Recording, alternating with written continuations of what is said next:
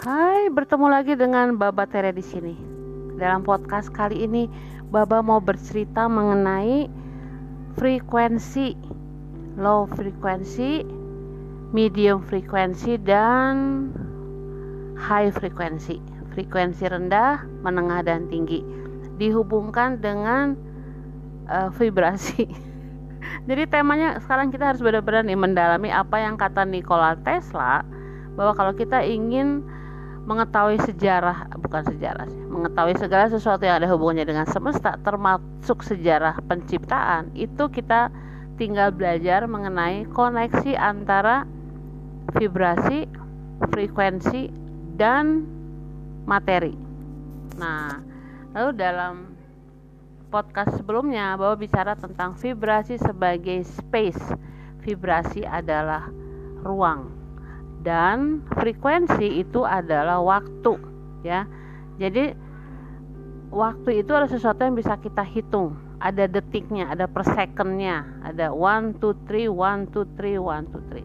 Sedangkan vibrasi dia merupakan suatu gelombang yang ada up and downnya.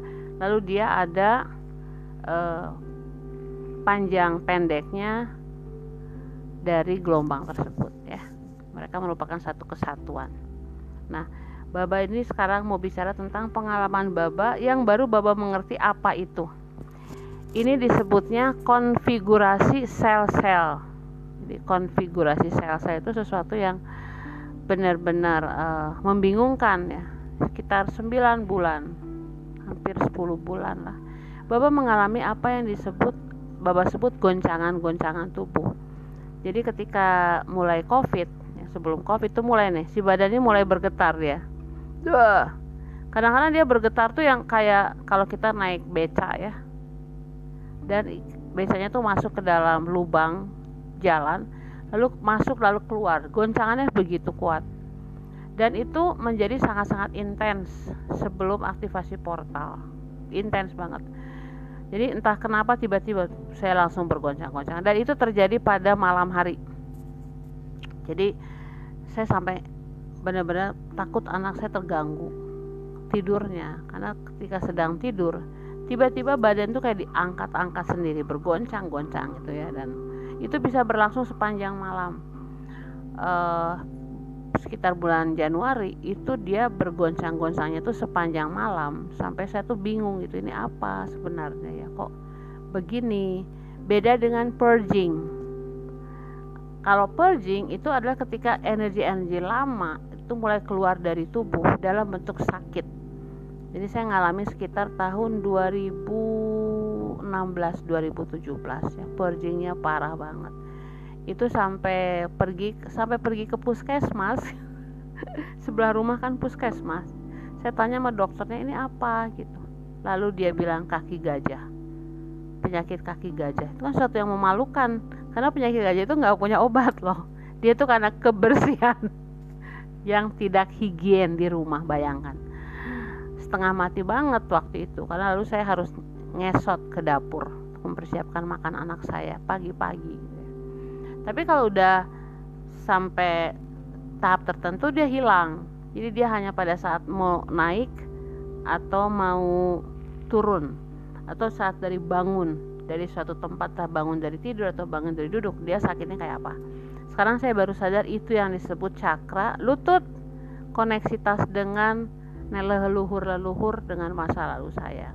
Jadi pada waktu itu sedang terjadi konfigurasi atau rekonfigurasi sel-sel yang ada di lutut. Dan dia nggak hanya bersifat energetik tapi dia bersifat fisik dan sakitnya aduh Tuhan. Sampai orang-orang bilang ini asam urat apa kolesterol sampai saya harus ke dokter harus tanya ini apa itu. Tahun 2016 ya 2015 16 17 itu saya nggak ngerti apa ini. Malam-malam gelap jiwa saya juga benar-benar penuh dengan kebingungan. Apa ini ya? Apa ini apa ini? Sekarang baru tahu bahwa oh begitulah. Nah sekarang e, pengetahuannya lebih canggih lagi karena e, sekarang saya ngerti apa itu rekonfigurasi sel. Jadi konfigurasi itu adalah e, bentuk ya, bentuk-bentuk tertentu yang memakai model-model tertentu. Rekonfigurasi berarti si bentuk-bentuk tertentu itu diubah. Ada perubahan dalam bentuk-bentuk tertentu. Dan ini terjadi di sel-sel tubuh kita. Dia bukan lagi secara energetik tetapi dia secara fisik dan itu benar-benar membuat saya merasa uh, gak nyaman secara fisik. Karena kan itu uh, purging ya. Purging itu adalah ketika kita tiga tahun lalu ya. Ketika tiba-tiba uh, badan saya tuh berkeringat nggak jelas gitu. Jadi berkeringat yang pada saat orang kedinginan di tempat ber AC sekalipun keringatnya kayak mandi jadi ternyata itu adalah uh, itu yang disebut itu ya rekonfigurasi sel-sel dalam tubuh nah sekarang saya punya penjelasannya penjelasannya itu sangat-sangat uh, mengagumkan ya. Baik, kenapa terjadi rekonfigurasi sel? Itu terjadi karena uh, sesuatu di dalam diri kita itu sedang pecah. Kalau kayak bisul, bisulnya tuh lagi mau pecah, itu sakit banget kan. Nanti kalau udah pecah, nanahnya udah keluar, itu lebih enak. Nah, dalam konteks vibrasi frekuensi energi uh, materi geometri 369 itu juga terjadi jadi ketika sesuatu itu sedang breaking sedang mau keluar seperti bunga mawar yang masih kuncup dia mulai mau mekar itu kita itu sedang mempersiapkan sesuatu yang baru muncul di dalam hidup kita. Yang muncul apa? Tingkat kesadaran. Nah, dalam proses itu kita uh, mengalami banyak sekali perubahan-perubahan, adaptasi-adaptasi, asimilasi-asimilasi yang ada di dalam hidup kita berhubungan dengan biasanya letak geografis. Jadi kita pindah rumah, pindah pekerjaan, atau anak pindah sekolah, atau kita berhenti dari kerja, ya, atau kita uh, diterima di tempat kerja baru pokoknya sesuatu yang ada di luar kita yang berubah atau kehilangan seseorang orang tua pasangan perceraian atau pernikahan bertemu dengan orang baru lalu menikah. Itu ada sesuatu yang baru yang akan datang dalam kehidupan kita. Nah kalau itu lalu dihubungkan dengan kesadaran spiritual itu sebenarnya secara fisik ya secara fisik itu tubuh itu benar-benar berusaha untuk beradaptasi terhadap realita yang baru.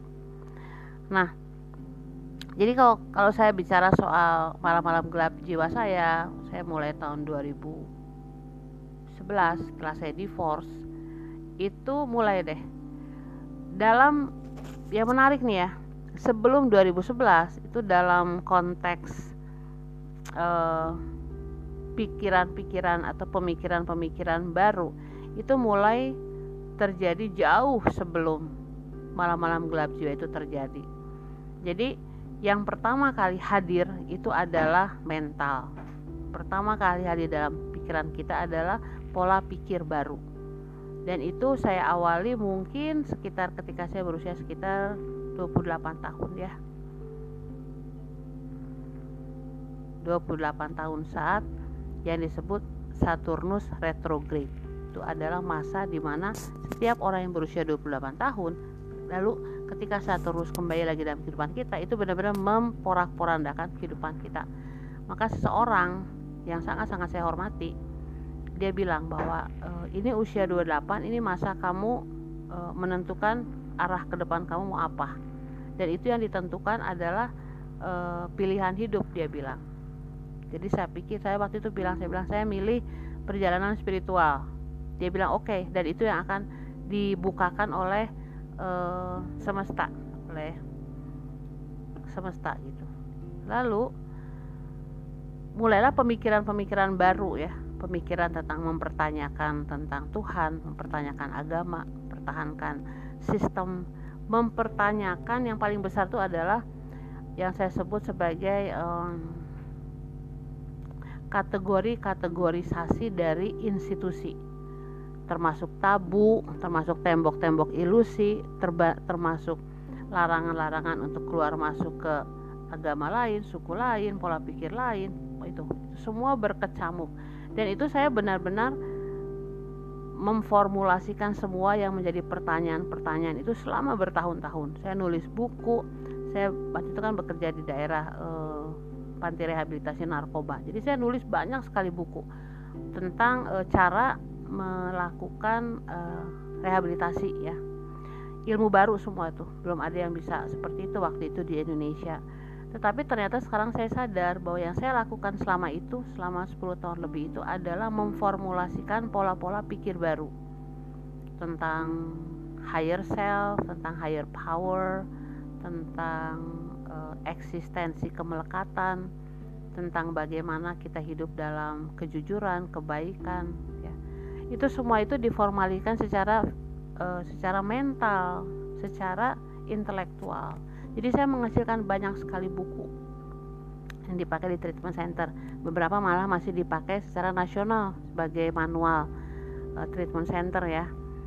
Jadi saya merasa bahwa tahun-tahun itu itu adalah tahun saya memformulasikan segala sesuatu secara mental. Nah, ketika memasuki malam-malam gelap jiwa, itu adalah ketika saya memformulasikan segala sesuatu secara emosional. Jadi sebelumnya saya tahu bahwa emosi itu nggak baik nggak buruk tapi netral, tapi hanya secara intelektual. Ketika masuk dalam malam-malam gelap jiwa, lalu si emosi itu diporak-porandakan jadi kemarin-kemarin yang tidak ada sebelumnya tiba-tiba keluar dalam bentuk yang sangat-sangat aneh ya.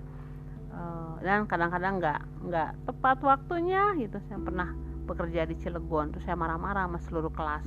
Padahal kalau dipikir-pikir lagi ngapain marah-marah gitu ya. Atau saya marah sama keluarga saya karena masa kecil saya yang suram itu. Itu keluar semua tuh emosi-emosi tuh saya menjauhi diri dari keluarga saya selama bertahun-tahun saya merantau saya ke luar kota ke luar negeri dan lain-lain setelah saya pikir-pikir itu adalah masa emosi saya itu memformulasikan uh, semua yang saya rasakan dalam bentuk ekspresi baik verbal baik fisik baik seksual baik religius semua pemberontakan-pemberontakan emosional itu keluar pada periode itu itu lalu saya sebut sebagai periode malam-malam gelap jiwa. Tapi sekarang setelah saya lihat dari sudut semesta, itu adalah ketika kehidupan emosi menjadi hidup. Karena sebelumnya nggak ada kehidupan emosi. Saya dibesarkan tuh nggak boleh sedih, nggak boleh ketawa, nggak boleh bahagia. Pokoknya kalau ada orang tua saya, saya itu harus serius, serius. Itu digambarkan dalam tradisi gereja Katolik itu percaya nggak? Yesus nggak pernah digambarkan tertawa dalam kehidupan saya masa itu. Nah sekarang ini udah ada perubahan. Sekarang Yesusnya ketawa, main sama anak-anak, bahagia. Dulu sebelum tahun eh, 80 nggak ada gambar Yesus tertawa, nggak ada. Jadi saya dibesarkan dengan pola pikir tersebut. Nah lalu setelah fase emosi selesai, tiba-tiba badan saya mulai purging. 2016, 17, 18, 19 sampai saat ini itu purging bukan purging sorry yang saya sebut bergoncang-goncang wah bingung saya ini sebenarnya ini apa ini ada dalam fisik saya kok? Fisik saya jadi seperti ini cuman ketika purging itu kayak penyakit.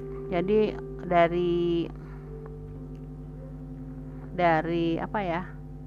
Dari sakit kaki sakit tulang segala sakit. Sebelah sakit. Fisik banget. Sakit kepala batuk pilek. Wah itu udah makanan sehari-hari itu nggak musim hujan nggak musim kemarau pasti sakit.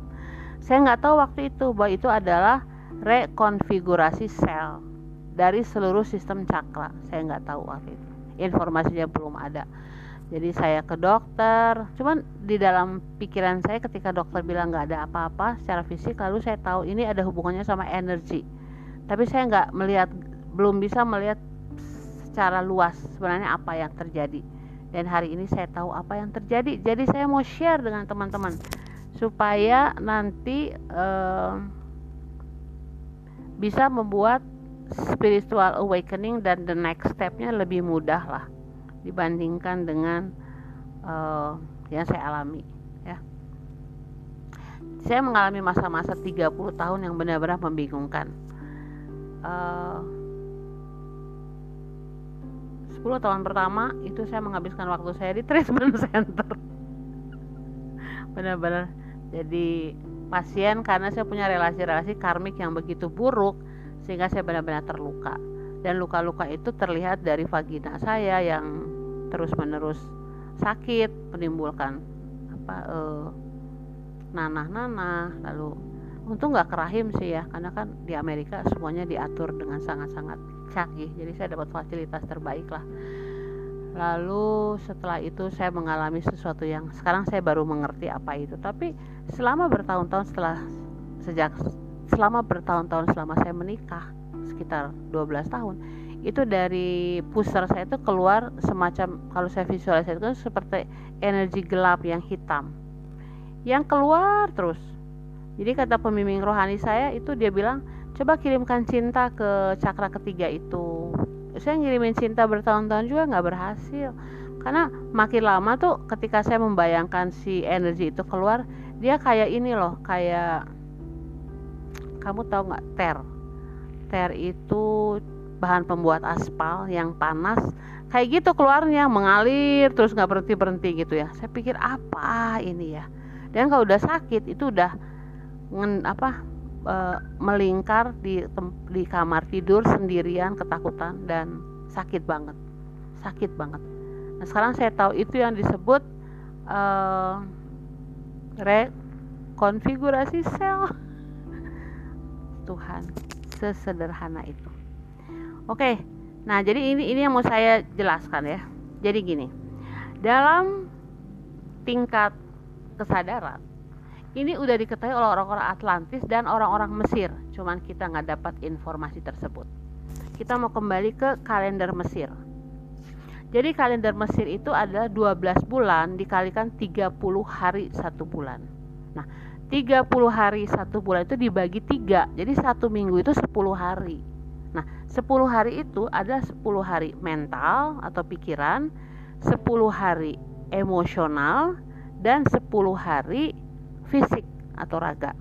Ketika saya mendapatkan informasi ini saya sempat bingung. Karena saya pikir kenapa mental duluan yang didahulukan lalu emosi kok fisiknya enggak? Padahal kan fisik adalah yang paling nyata gitu.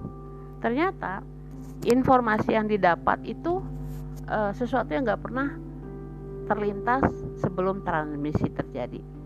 Dan kalau kita kembali lagi ke pengetahuan kalender-kalender kuno itu mereka sudah tahu tentang vibrasi dan frekuensi.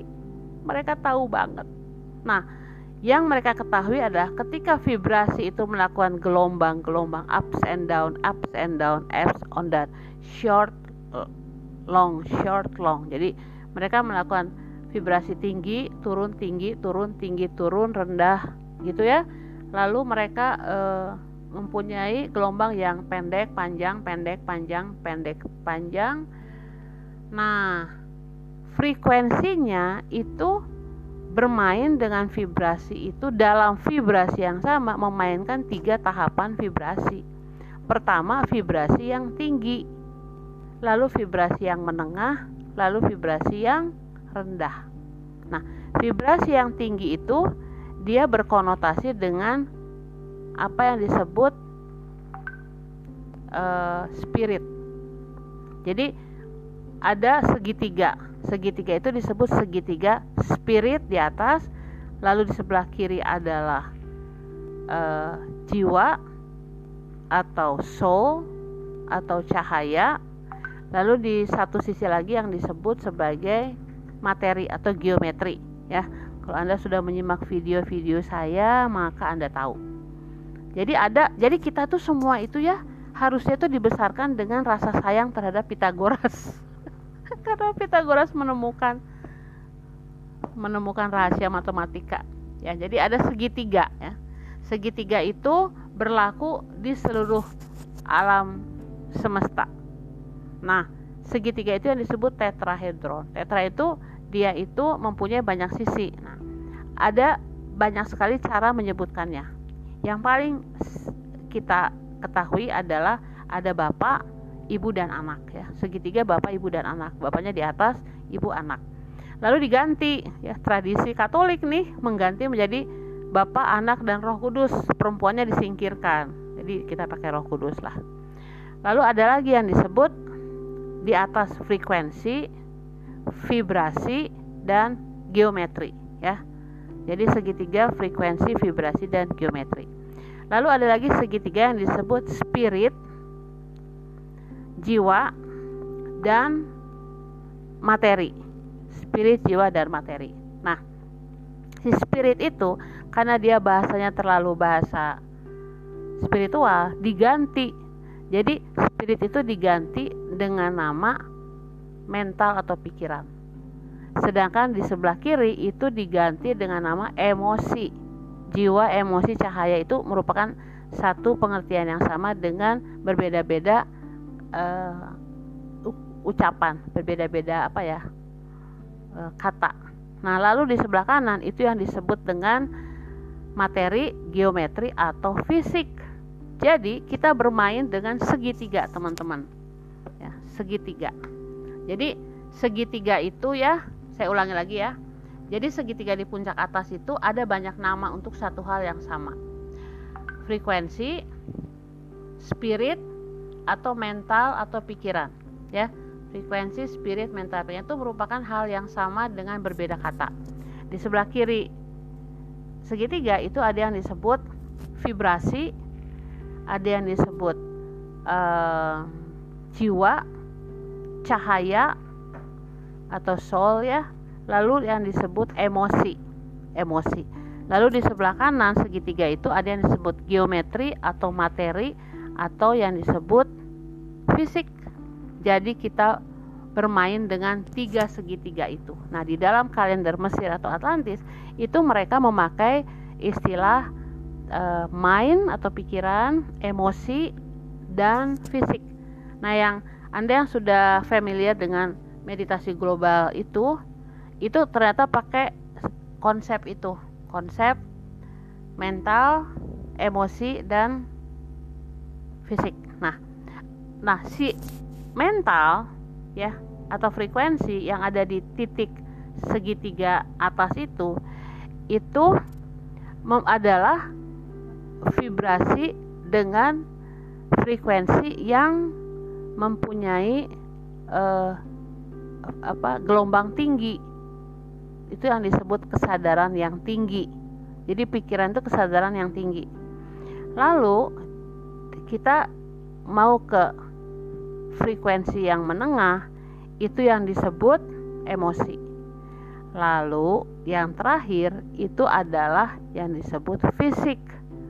Jadi yang adalah gelombang eh, frekuensi yang rendah, ya. Jadi yang tinggi itu adalah mind atau pikiran, yang menengah itu emosi, dan yang rendah itu yang disebut fisik. Nah, Lalu untuk mengerti konsep itu, itu yang saya ceritakan dalam kisah pengalaman saya sebelumnya. Jadi sekitar 30 tahun lalu itu pola-pola pikir baru masuk ke dalam konteks berpikir saya. Pola-pola pikir yang mempertanyakan tentang Tuhan, neraka, surga, siapa yang masuk surga, siapa masuk neraka, Tuhan pilih siapa.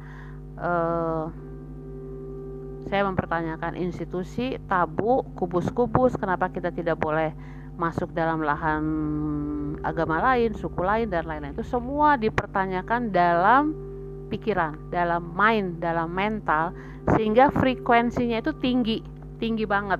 Ya ketika kita masuk dalam konteks frekuensi tinggi, itu kita benar-benar berpikir keluar dari batas-batas. Makanya disebut frekuensi tinggi karena sudah tidak terjebak lagi oleh fisik. Jadi kita tuh kalau mau e, bereksplorasi secara mental itu kita bisa berpikir apa pun tanpa benar dan salah. Kita bisa masuk ke setiap kubus-kubus ilusi, setiap bayangan-bayangan yang dilarang, tabu-tabu yang dilarang oleh siapa pun dalam kehidupan kita, itu kita masuki melalui pikiran. Ya, karena pikiran itu dia sifatnya sangat-sangat luas tak terbatas infinite. Itu sebabnya sang sumber itu disebut sebagai the most intelligent infinite mind. Jadi pikiran yang paling pandai mental yang paling pandai. Jadi kita kalau berpikir itu nggak ada batas kebetulan aja kita hidup di Indonesia kita dibatasi ya lewat pendidikan formal informal. Tapi sebenarnya pikiran itu dia luas banget karena itu dia punya frekuensi yang paling tinggi. Tingkat kesadarannya sangat-sangat tinggi. Nah lalu ketika kita sudah melewati suatu pola-pola pikir pola-pola pikir itu nggak menyakiti hati kita karena kan kita cuma berpikir. Tetapi ketika pikiran-pikiran itu sudah mengkristal sudah menjadi suatu pola pikir yang mengganggu kedamaian hati kita terjadilah apa yang disebut emosi.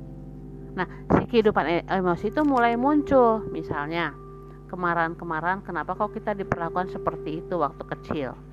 Kejengkelan-kejengkelan terhadap figur-figur tertentu yang ternyata ngajarin kita hal-hal yang salah atau kebohongan.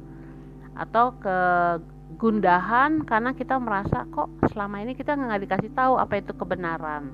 Nah, si emosi itu semua itu lalu ter ter apa ya terekspresikan melalui relasi-relasi karmik kita, relasi soulmate kita, relasi-relasi dengan institusi, kemarahan-kemarahan terhadap eh, bos kita, kemarahan terhadap figur-figur otoritas, kemarahan terhadap guru-guru ya walaupun mereka udah meninggal kita kesel tuh.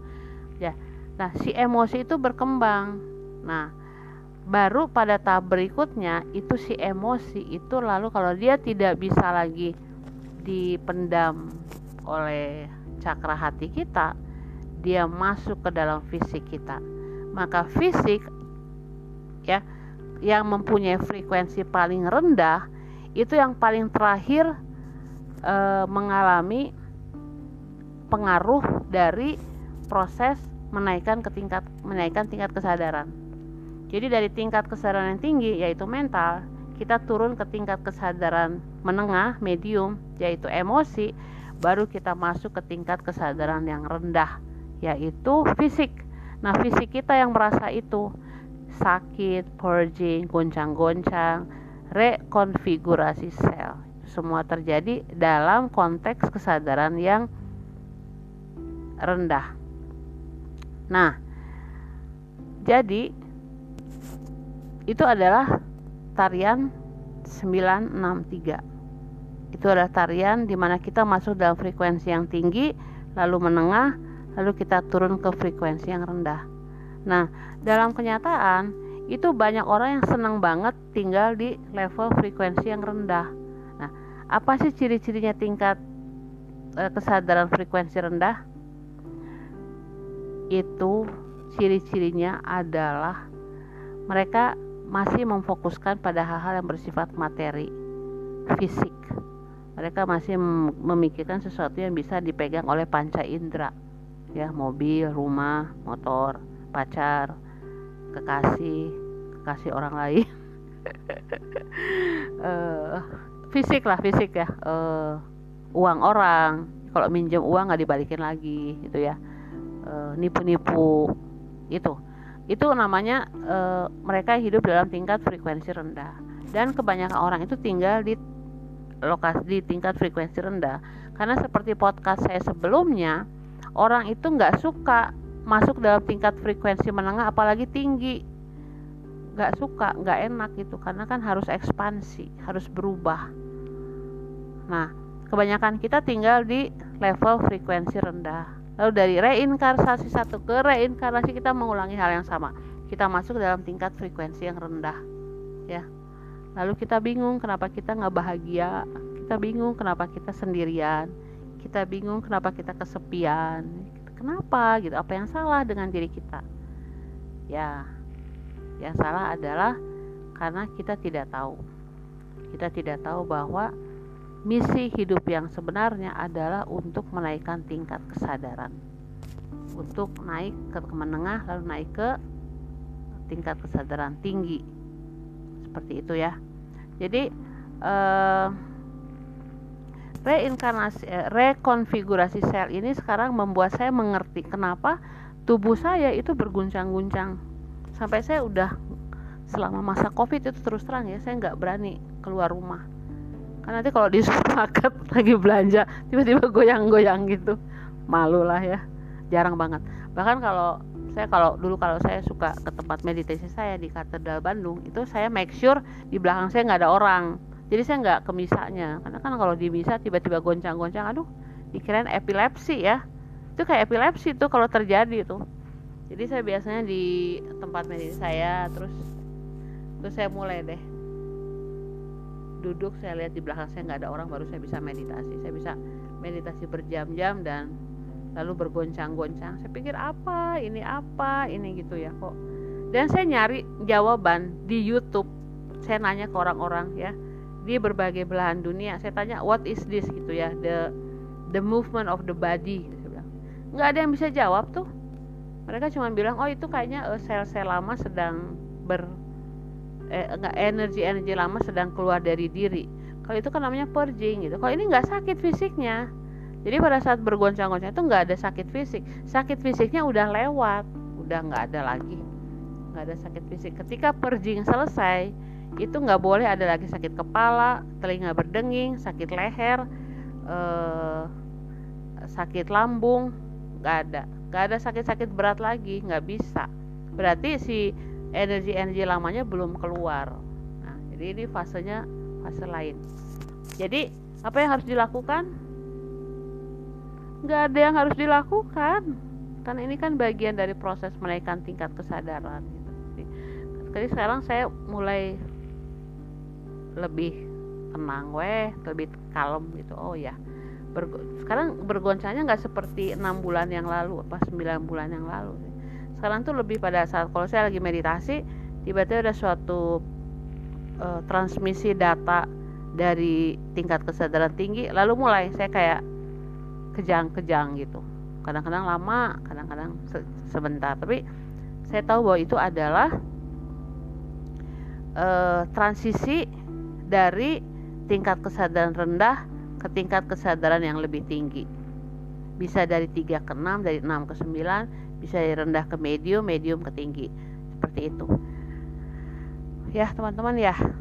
Jadi ini adalah sesuatu yang saya anggap uh, mudah-mudahan berguna lah bagi teman-teman kalau mengalami hal ini. Karena kan di Indonesia ini kan uh, awakening baru ya. Ya barulah. Ada yang lebih dari dua tahun tapi kebanyakan sekitar setahun dua tahun. Dan masih dalam proses kayaknya sih masih dalam proses uh, mencari jawaban dari luar angkasa sana. Saya dari planet mana? Oh saya starship mana ya? Saya dari dimensi mana Nah, itu penting banget untuk awal-awal awakening. Karena lalu kita tahu bahwa kita adalah satu dengan mereka yang ada di luar bumi ya.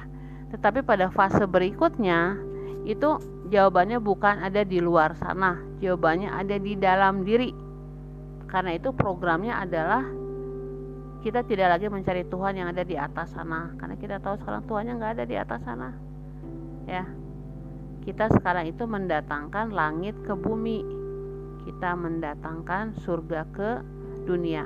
Kita menciptakan surga di sekitar kita dalam kehidupan kita sehari-hari, dalam kekinian. Kita mempancarkan kebahagiaan, kelimpahan, kebaikan, dan itu adalah surga. Pada saat kita mati nanti dalam reinkarnasi berikutnya, itu kita hanya melanjutkan apa yang kita lakukan di bumi dalam kehidupan saat ini. Jadi make sure teman-teman sebelum meninggal sudah ada di tingkat frekuensi tinggi. Ya jangan jangan rendah lagi. Nanti terus menerus we gitu ketemu sama orang yang sama karmik yang sama gitu ya. Gimana? Gitu ya. Jadi uh, itu yang disebut transformasi spiritualitas kosmologi. Kita menjadi satu dengan diri kita melalui aspek mental emosional dan fisik jadi kalau teman-teman pikir sekarang ada hal-hal fisik yang terjadi, itu adalah tahap terakhir dari proses membumikan atau meragakan tingkat mental atau tingkat kesadaran tinggi. Apa yang harus dilakukan? Sadar, sadar, dan sadar. Oke. Baik. Kayaknya segini dulu teman-teman. Mudah-mudahan membantu ya. Memang podcast-podcast ini agak sulit materinya dan saya juga nggak bisa menjelaskannya di channel karena suatu saat saya akan buat penjelasannya di channel. Tapi ini adalah day to day enlightenment. Jadi saya ingin share kepada teman-teman. Oke, jangan lupa harmonis. Namaste.